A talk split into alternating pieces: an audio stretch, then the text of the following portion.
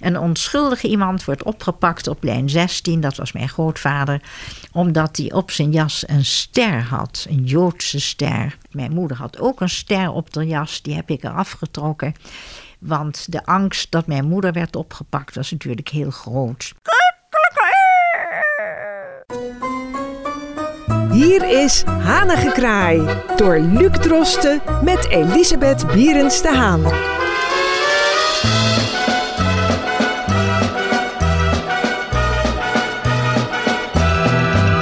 Het is begin maart en dat betekent dat de boekenbal weer op stapel staat. En ook wij besteden daar uiteraard aandacht aan, want we zijn allebei, mevrouw Bierens de Haan, zeker ook uh, belezen zielen, denk ik. En u heeft ook net een boek uit waar we het zo meteen over gaan hebben. Mevrouw Bierens de Haan, uh, hoe staat u tegenover de Boekenweek? Uitstekend. Hoe meer mensen lezen, hoe beter. Jong geleerd, oud gedaan. Lezen is kennis, lezen is weten. En ik lees en ik schrijf. Dus dat kan niet mooier. Ja. U heeft net een nieuw boek uit en dat heet Grootvaders Laatste Reis. We hebben het volgens mij ooit kort eerder aangestipt. Uh, kunt u daar eens wat over vertellen? Ik kan er kort over zijn. Uh, de bespreking die we nu even doen over dit boek heeft te maken eigenlijk met een soort drieluikje. En dat de essentie is dat een onschuldig iemand, wat hij ook gedaan heeft of niet gedaan heeft. Een onschuldige iemand wordt opgepakt op lijn 16, dat was mijn grootvader, omdat hij op zijn jas een ster had, een Joodse ster. En dat heb ik dus allemaal meegemaakt als jong meisje van een jaar of zes. Dat mensen werden opgepakt. Mijn moeder had ook een ster op de jas, die heb ik eraf getrokken. Want de angst dat mijn moeder werd opgepakt was natuurlijk heel groot. En nou heb ik een drieluikje gemaakt, want gisteren heb ik mij uh, erg verdiept weer in de zaak Potch, Julian Potch. Daar heb je een onschuldige iemand die wordt opgepakt in Spanje, uitgeleverd aan Zuid-Amerika, omdat men denkt dat hij meegedaan heeft met afschuwelijke dingen, gevangen uit vliegtuigen gooien. En dat is helemaal niet waar, valse beschuldiging. En dan heb ik nummer drie. Dat is kapitein Dreyfus uit 1850. Een kapitein, hij was een Jood. En er waren jaloerse collega's. En die zeiden in het leger: eh, Jij hebt dit en dat gedaan, je hebt de boel opgelicht. Dat zullen we eventjes aan je overste vertellen. En de commandant die zei: Kom jij eens eventjes hier. En die rukte alle eh, medailles en, eh, van, de, van de jas af en zei: We gaan jou verbannen naar een eiland het is nu afgelopen. Een onschuldig iemand zat opeens, omdat hij een Jood was, op een eiland. Maar het goede overwint het kwaad en dat staat in mijn boek. Toen dat gebeurd was, was er een schrijver, Emile Zola, en schreef een document, J'accuse. En dat betekent, ik vecht aan wat hier gebeurt. En dat is zo'n heel groot een manifest geworden. En de mensen zeiden: hij heeft het niet gedaan en hij moet van het eiland af. En uiteindelijk is die in ere hersteld. En zo hebben we drie mensen van, misschien waren er wel honderdduizenden gevallen, maar ik heb die drie aan elkaar gekoppeld. Mijn grootvader, omdat hij Jood was. Dan krijg je Emile Zola, die het boek schrijft, het manifest van J'accuse, over een kapitein die een Jood was. En last but not least, Julian Porch.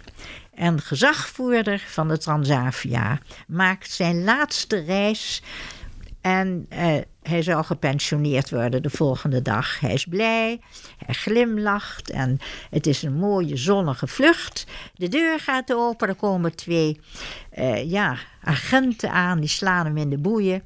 En wat is nou het hele gemene vilijne? Dat hij mocht niet uitgeleverd worden op verdenkingen die naar hem waren toegericht want Nederland heeft geen uitleveringsverdrag met Zuid-Amerika. En daarom hebben ze hem laten vliegen naar Spanje. Daar wist de overheid van. En toen heeft die, is hij in de boeien geslagen. En heeft acht jaar in een ellendige cel gezeten. Totaal anders dan in Nederland. Hier het een, een hotel en dan word je gepamperd. En daar is het keiharde ellende. En ik heb elke avond voor deze man gebeden. En gevraagd, lieve Heer, laat hem vrij, laat hem los, laat hem vrij. En het is gelukt. Hij is vrij. En ik zag hem eergisteren op televisie. Hij heeft een advocaat. Men wil nou 5 miljoen van de staat krijgen voor de schade die hij heeft opgelopen. En daarom heb ik die drie mensen aan elkaar gekoppeld. Mijn grootvader opgepakt op lijn 16. Potsch opgepakt op de vlieghaven, ik geloof in Barcelona als ik het goed heb. En dan krijgt je kapitein Dreyfus opgepakt wegens verraad. En dat was een misselijke zet, een jaloerse zet van een paar eh, kompanen die snode plannen hadden. En uiteindelijk, en dat staat in het Hebreeuws in mijn boek, het goede overwint het kwaad. En dat is de essentie van dit stukje wat ik nu vertel.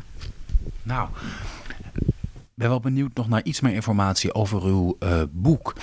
Uh, zou u zeggen dat het een boek is dat met name interessant is voor mensen die uh, zich bezighouden met geschiedenis? Of doe ik daarmee uw boek tekort en zegt u eigenlijk het boek is voor een veel breder publiek? En zo ja, welk publiek?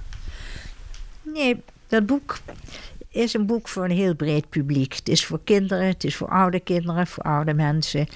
Het is een boek wat verhaalt dat ik in mijn stewardessentijd aan mijn moeder vroeg: Mama, ik weet te weinig van mijn grootouders. En toen zei moeder: Weet je wat we doen? Elke reis dat jij terugkomt, want ik woonde bij mijn moeder thuis in de Gerrit van der Veenstraat. Elke keer als jij terugkomt van een reis, ga ik jou een verhaal vertellen over jouw grootvader. Want Jij was zes toen hij werd opgepakt en dat weet je. Je hebt, je hebt de, het lawaai gehoord en ik heb je veel verteld. En dat ga jij opschrijven. En toen zei ik, moeder, ik wil er een boek van maken. En dan wil ik het die titel geven. Vindt u het goed? Ja, dat vind ik uitstekend. En zo heb ik in mijn stewardessentijd steeds chronologisch dingen verteld over mijn grootvader en mijn grootmoeder. Grootvader was muzikaal, speelde viool, hij speelde biljart. Mijn grootouders woonden aan de Amstel.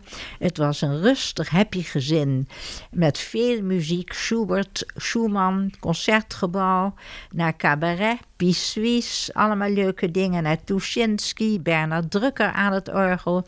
Die verhalen zijn eigenlijk een opsomming van hoe was dat gezin van de familie van Gelder. Want mijn moeder heette Van Gelder.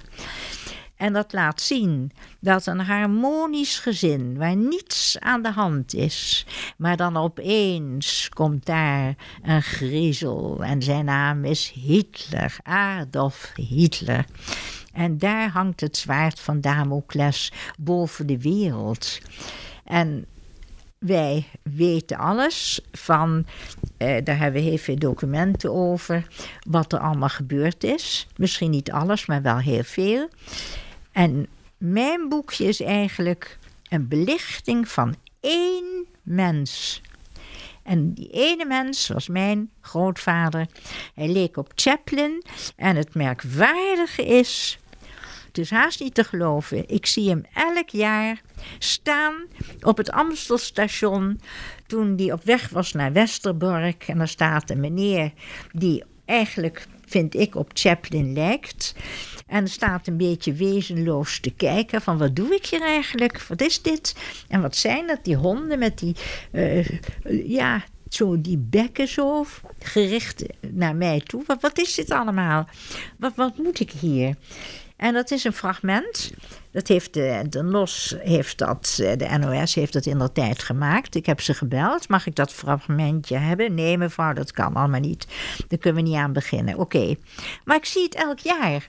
Dan zie ik mensen uitstappen uit die trein. Die trein komt aan in Westerbork. En daar loopt mijn grootvader. Die loopt daar. Had een sikje. Hij heeft een koffertje en hij heeft een rol onder zijn arm, een soort matrasje. Ik dacht, het is een matrasje. Wat bijzonder dat precies dat moment is vastgelegd. Ja, en dat is heel bijzonder. En het is vrij leeg daar in Westerbork. Een heleboel mensen zijn op een kluitje gedreven naar een gang. En mijn grootvader kwam eigenlijk nogal laat uit die trein en staat daar zo te kijken van, ja, wat, wat is dit allemaal? En dan komt er een Duitse officier en dan kappen ze het af. Dan is het filmpje is voorbij. En dat is dus heel bijzonder. Ik vind het heel bijzonder. En het onderwerp matcht ook ontzettend natuurlijk met het feit dat we dit voorjaar 75 jaar bevrijding vieren. Misschien uh, des te meer reden voor mensen om uh, het boekje is te bemachtigen. Waar kunnen mensen het kopen? Uh, de mensen kunnen mij berichten, kunnen mij bellen. En dan zal ik ze vertellen. Ik kan het organiseren en het, ze kunnen het ook kopen in de Beethovenstraat in Amsterdam bij Atheneum. Atheneum is nu, uh, heeft Van Rossum overgenomen. Atheneum zit ook op het Koningsplein, maar in de Beethovenstraat, daar ligt mijn boekje ook. Dus ze kunnen mij bereiken en ze kunnen de boekhandel bereiken. En mensen kunnen u natuurlijk ook altijd bereiken via hanagekraai.amsterdamfm.nl. En u staat open voor reacties. Bedankt mevrouw Pierens de Haan. Tot de volgende keer. Tot de volgende keer. Dank je zeer. Wilt u reageren? Mail naar hanigekraai.amsterdamfm.nl en uw bericht komt terecht bij mevrouw Bierens de Haan.